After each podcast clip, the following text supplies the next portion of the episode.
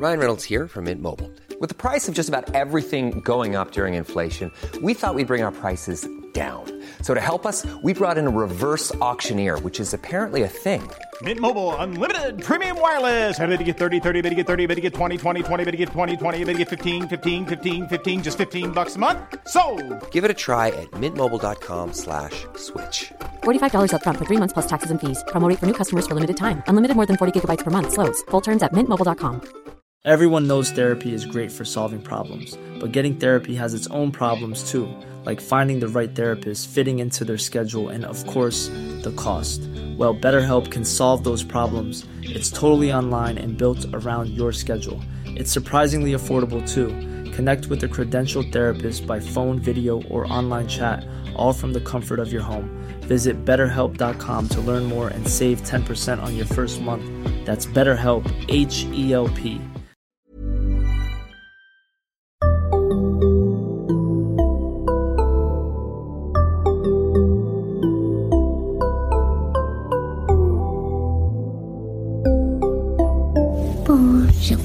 Barnpsykologerna.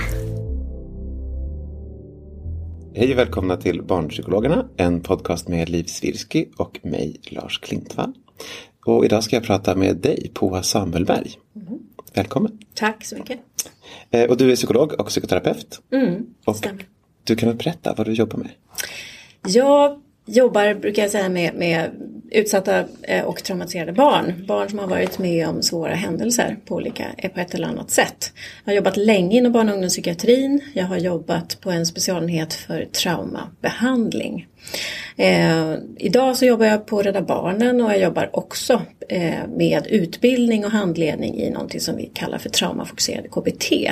Det vill säga en behandling som vi vet är väldigt effektiv när man har varit med om svåra saker och har det vi kallar för PTSD, posttraumatiskt stresssyndrom.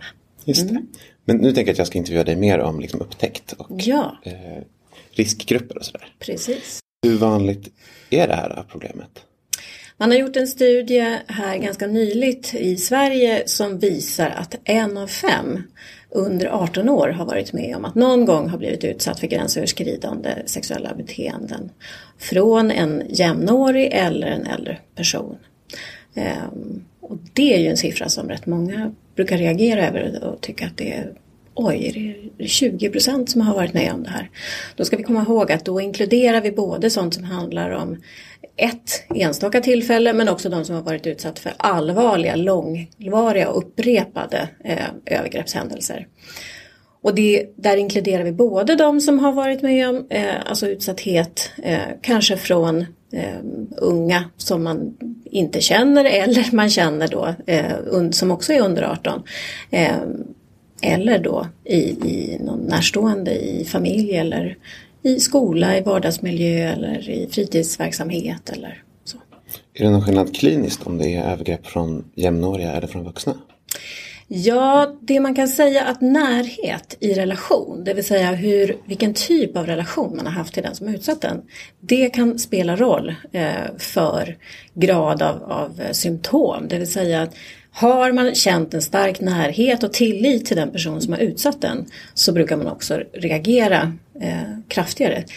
Det försvårar på väldigt många olika sätt. Om du har haft en, en eh, nära relation till någon där du har känt dig bekräftad och sedd och också haft väldigt många positiva upplevelser. Om du då är också utsatt för övergrepp som antingen har varit liksom mer överfalls eh, plötsliga övergrepp men oftast snarare gradvisa manipulerande övergrepp. Då kan du också känna dig oerhört kränkt och lurad naturligtvis. Och sen finns det ju också ett drag som handlar om, eh, alltså ett stort problem som handlar om att du, du känner dig kanske involverad eller, eller delaktig på något sätt. För det, Medskyldig? Medskyldig skulle vi kunna kalla det för. Det är ju någonting som eh, också många som utsätter andra för övergrepp eh, faktiskt är rätt duktiga på. Att få den andra att känna sig delaktig. Eller då medskyldig till det som har hänt.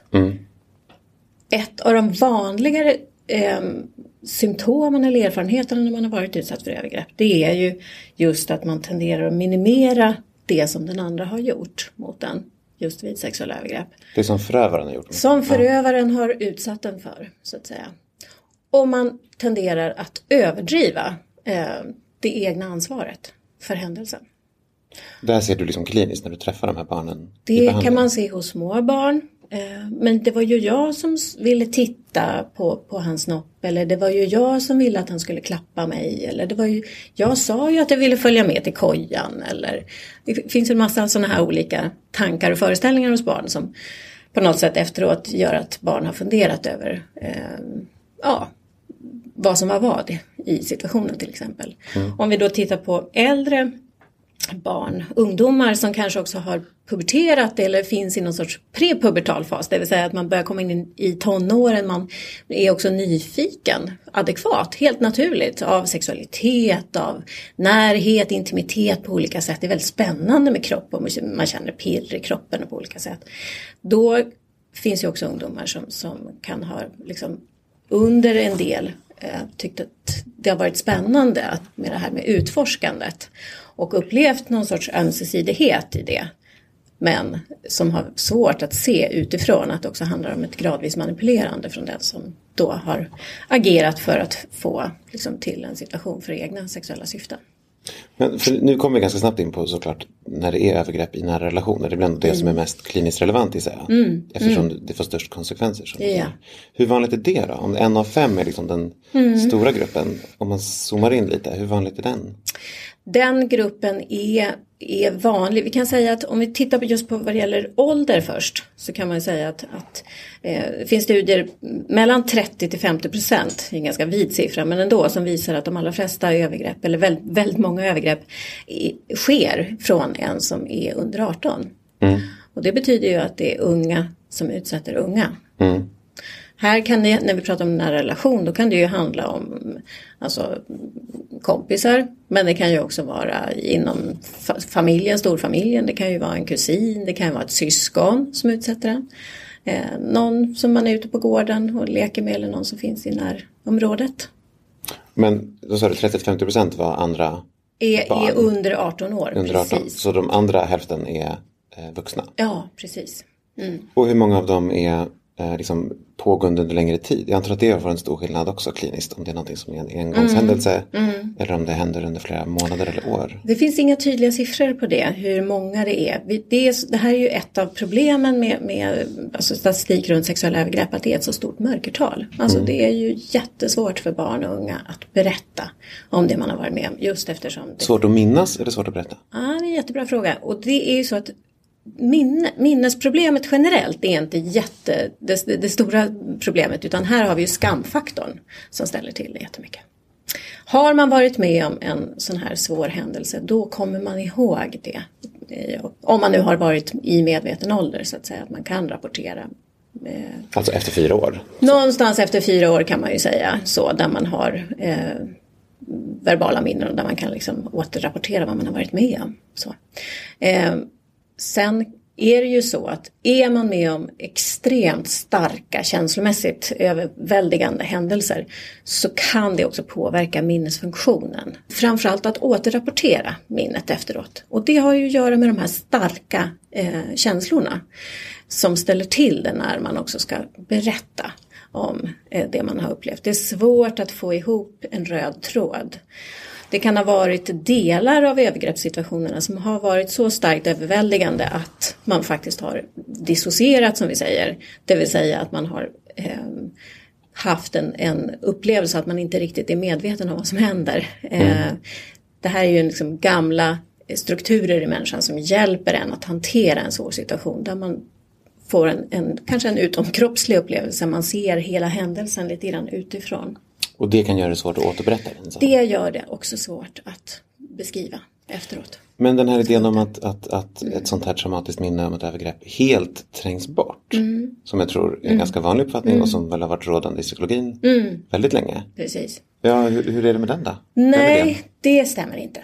Det stämmer inte, det kan vi dementera. Eh, Det är inte så att det, det handlar om att, att vi går runt och, och bär på massa möjliga eh, upplevelser som vi faktiskt inte har tillgång till. Utan generellt så, så minns vi eh, viktiga händelser som vi har varit med om. Vet vi någonting om liksom särskilda riskgrupper som är särskilt Mm. utsatta?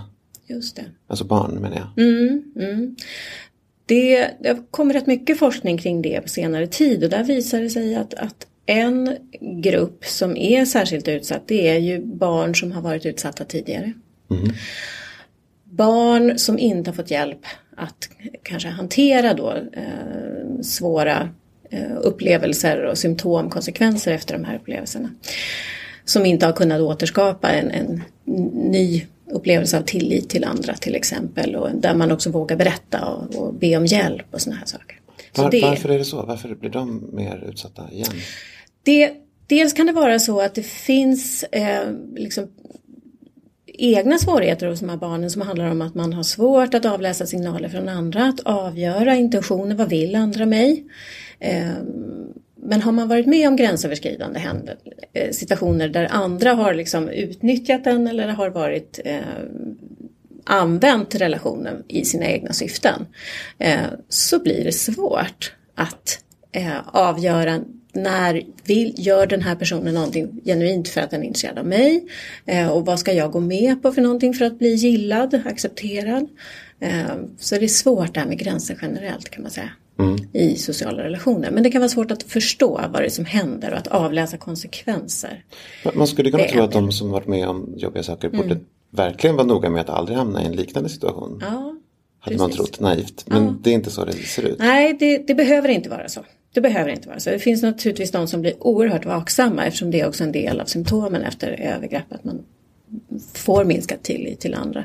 Men det kan också vara så att, att eh, man på något sätt eh, mår dåligt och sen är med om eh, samma sak igen. Kanske som ett bekräftande av att man det, är så här relationer brukar vara eller eh, eh så här tycker andra om mig. Och för ungdomar som har varit med om liksom, sexuella övergrepp över tid och, och kanske har utvecklat självskadebeteenden så kan ju det här också bli någon bekräftande del av i ens beteende där man, man både hanterar sin egen ångest genom att utsätta sig igen eller bekräftar den här bilden av att jag är en som inte är värd någonting mer. Men och när du säger, förlåt, jag öppnas det så mycket här. Ja. Eh, Som någon sorts känsloregleringsstrategi, att man använder det för att stå ut med känslor så utsätter man sig för samma trauma en gång till. Så kan det vara. Så svårt att...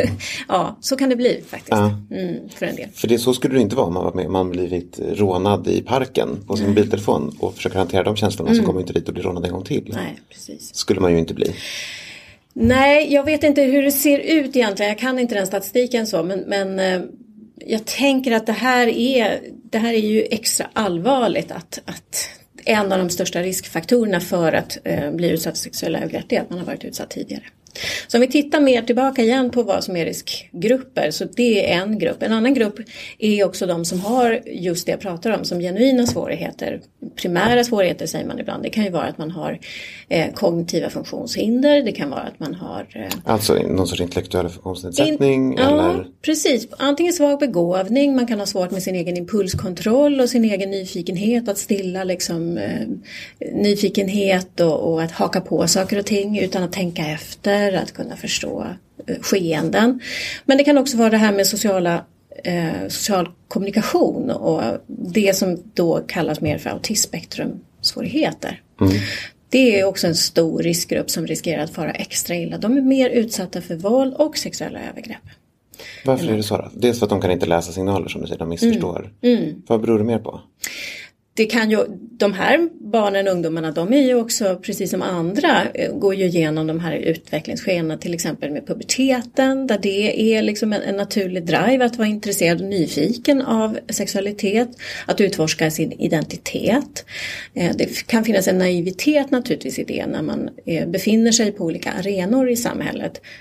Och var vistas ungdomar idag? Jo, de, vistas i skolan, de vistas hemma, de träffar kompisar i bästa fall, de kanske har, finns inom olika typer av fritidsaktiviteter. Men många av de här ungdomarna har inte tillgång till den här eh, Ja, har inte så många andra kontaktytor. Många av dem befinner sig också på nätet till exempel. Det är där man är istället. Där är man rätt ofta och där, är, det, där vet vi, där är ju alla ungdomar. Eh, men det där kan ju vara extra svårt det här med att avläsa. Vad är det som händer i situationen? Vem finns på andra sidan? Vad kan jag göra? Vad ska jag svara på och inte? Eh, vad ska jag gå med på? Hur, hur ska jag hantera att den andra personen eh, ber mig om, om olika tjänster och, och där jag också ofta tänker jag har den här, det vi ser kliniskt det är ju en, en stor ensamhet, en avsaknad av nära relationer med jämnåriga.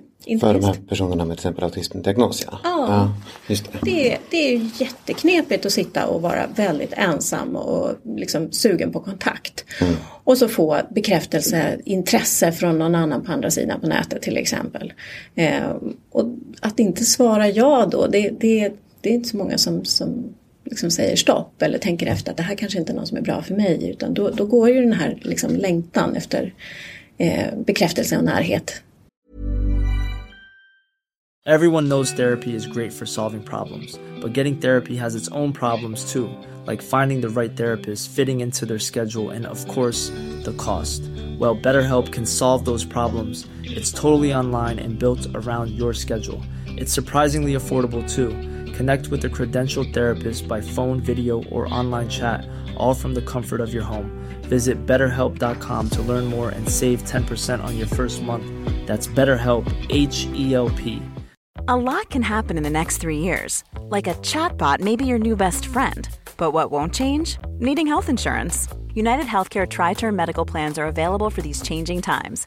Underwritten by Golden Rule Insurance Company, they offer budget friendly, flexible coverage for people who are in between jobs or missed open enrollment. The plans last nearly three years in some states, with access to a nationwide network of doctors and hospitals. So, for whatever tomorrow brings, United Healthcare Tri Term Medical Plans may be for you. Learn more at uh1.com. Quality sleep is essential. That's why the Sleep Number Smart Bed is designed for your ever evolving sleep needs. Need a bed that's firmer or softer on either side? Helps you sleep at a comfortable temperature? Sleep Number Smart Beds let you individualize your comfort so you sleep better together. JD Power ranks Sleep Number number 1 in customer satisfaction with mattresses purchased in-store. And now, save 50% on the Sleep Number limited edition Smart Bed for a limited time. For JD Power 2023 award information, visit jdpower.com/awards. Only at a Sleep Number store or sleepnumber.com.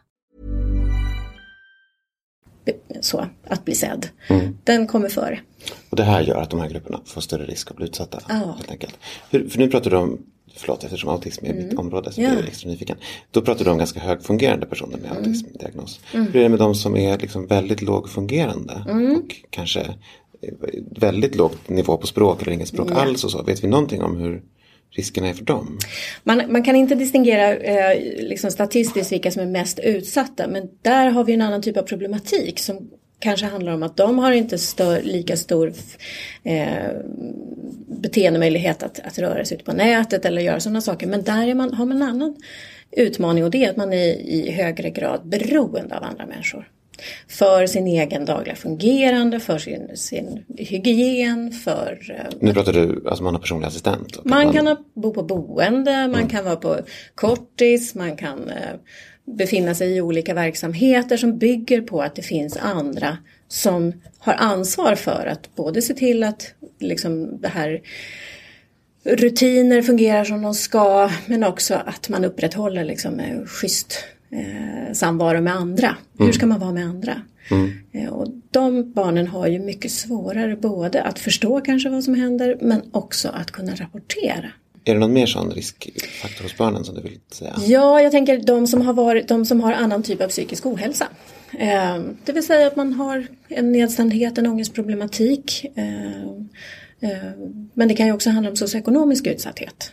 Att leva med föräldrar som eh, har svårt. Eh, antingen för att de är, har psykisk ohälsa själv men också socioekonomiskt svårt eh, att klara sig. Och där vet vi att det i högre grad förekommer våld men också sexuella övergrepp. Inom familjen? Inom familj. Ja. Ehm, Nu kommer vi lite in på det. Vill du säga någonting om vad man vet om förövarna? Alltså riskfaktorer för att vara en förövare. Är det bara män som gör de här övergreppen?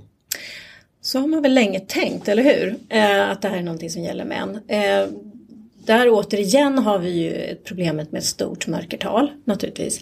För det är skamfyllt att säga att du har varit utsatt för eh, sexuella övergrepp så kan vi säga att det är väldigt skamfyllt att berätta att du har utsatt någon annan för det. Och det är väldigt, väldigt få som döms. Så det, det vet vi att det är. Men det, det, det som har visat sig eh, med ökad kunskap och när vi liksom uppmärksammar de här svårigheterna mer och mer, det är ju också att det är kvinnor. Som begår Som begår mm. övergrepp. Eh, och som jag sa så är ju gruppen unga eh, som utsätter andra för sexuella övergrepp, den är ju stor när vi då pratar om 30 till 50 procent. Det är ju en stor grupp. Och, men det, det, som, det som forskning visar hittills, både nationellt och internationellt, är ju att det är en väldigt heterogen grupp. Det vill säga det är inte bara eh, de som har kanske avvikande sexuell läggning, det vill säga att, det, att man tänder på barn. Det är en väldigt, väldigt liten grupp som har Av de som begår övergrepp? Av de som begår övergrepp. Det låter ju extremt inte alls intuitivt. Nej, Man tror att det är precis. därför de begår övergrepp. Ja, precis. precis.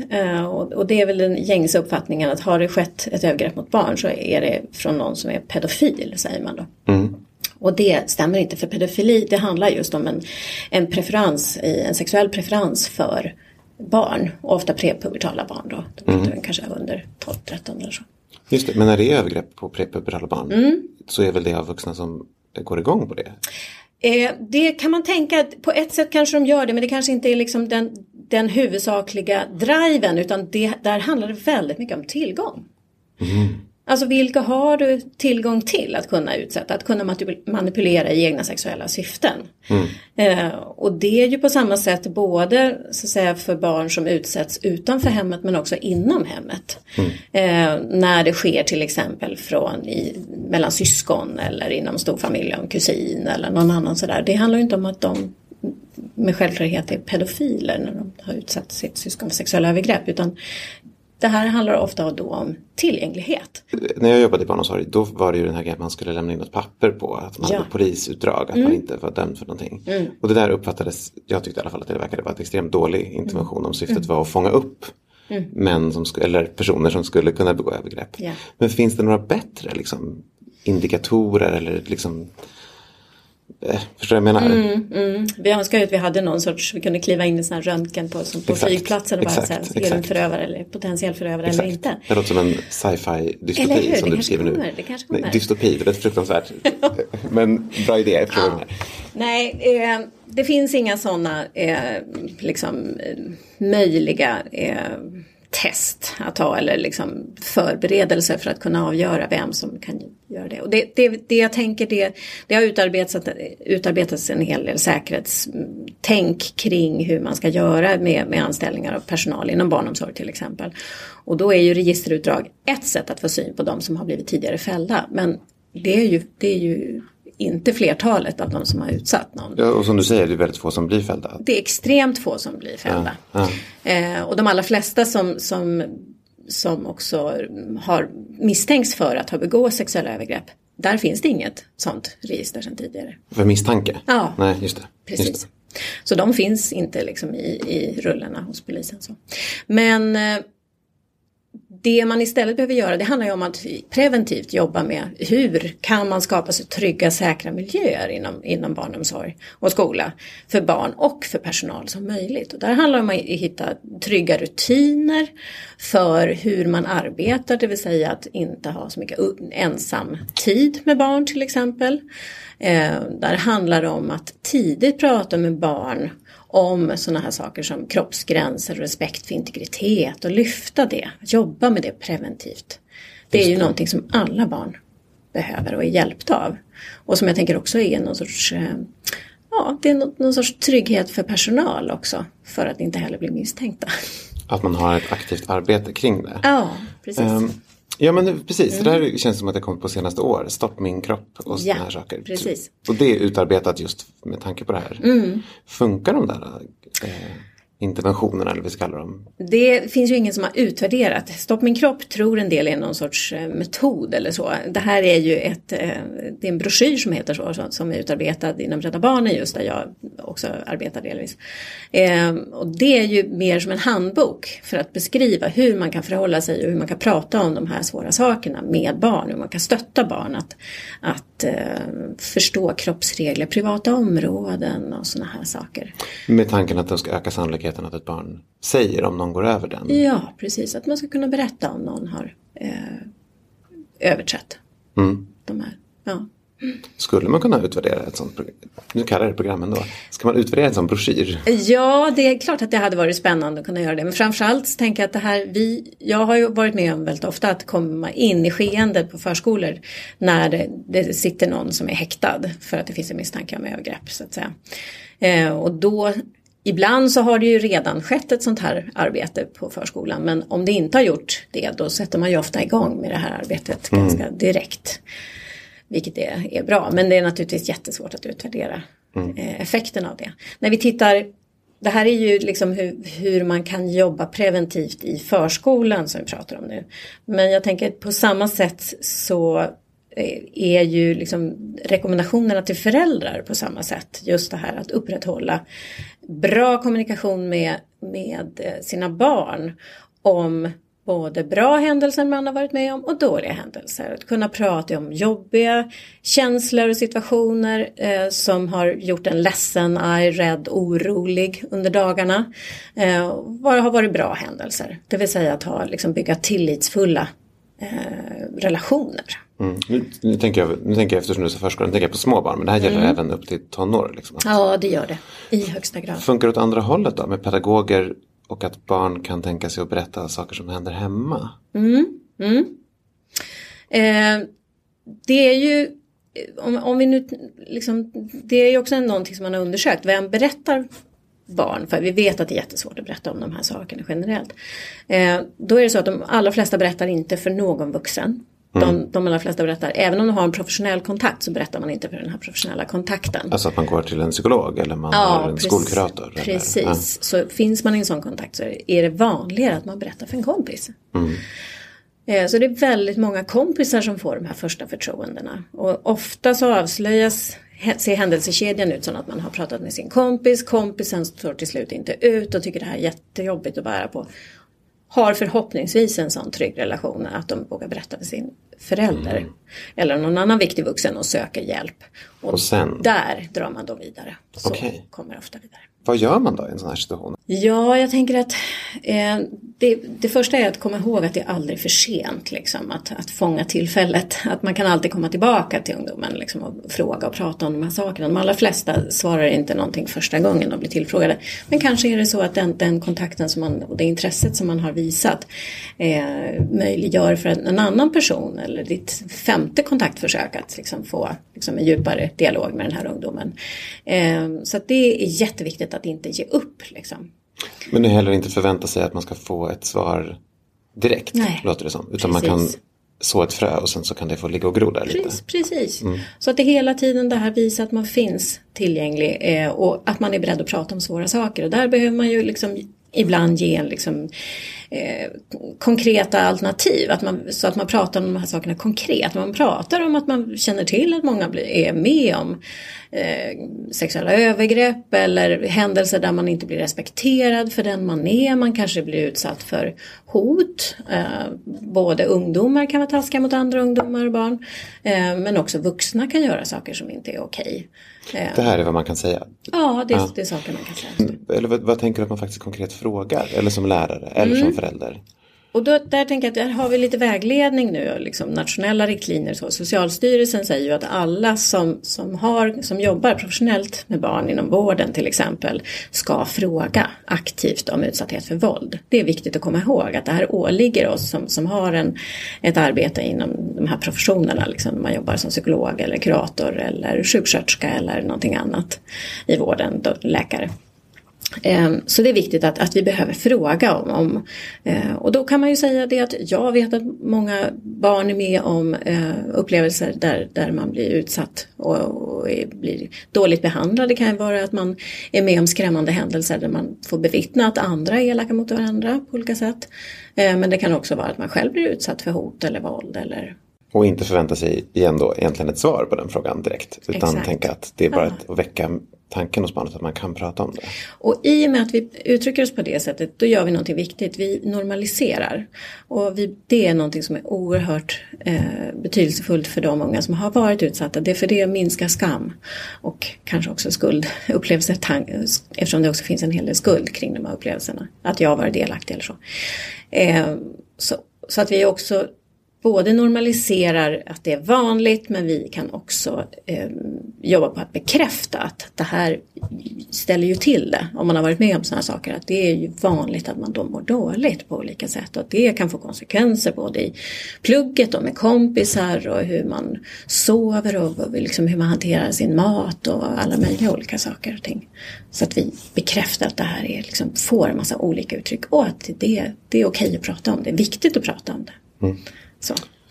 Sen vill jag bara säga en sak till som handlar om det just professionella och det tänker jag är ju att påminna om att när man är professionell eh, så ska vi ju inte veta om det har hänt eller inte utan det räcker med att vi fattar oro.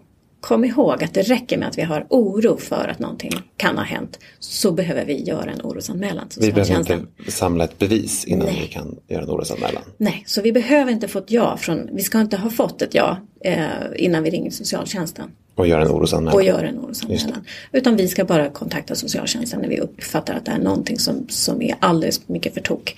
Som vi inte kan hantera och som vi förstår att barn, barnet och ungdomen inte, antagligen inte fått någon hjälp med. Mm. Och då är det socialtjänstens uppgift att utreda. Jag tänkte jag skulle passa på och Ja, eh, påminna om en bok som faktiskt eh, släpper i september. Ja. Som heter just Traumatisering hos barn. En handbok som vänder sig till professionella inom både skolan, i barnomsorgen, till psykologer, till socialtjänsten. Alla som kommer i kontakt med barn och som, som barn som kan ha varit utsatta för svåra saker. Och den kommer ut i september på Natur och kultur. Om man är intresserad av att läsa mer. Ah, perfekt. Ja, Perfekt. Ska jag lägga länken i, i eh, avsnitts... det tycker jag du ska göra. Det Ja. låter bra. Perfekt. Tack Poa. Tack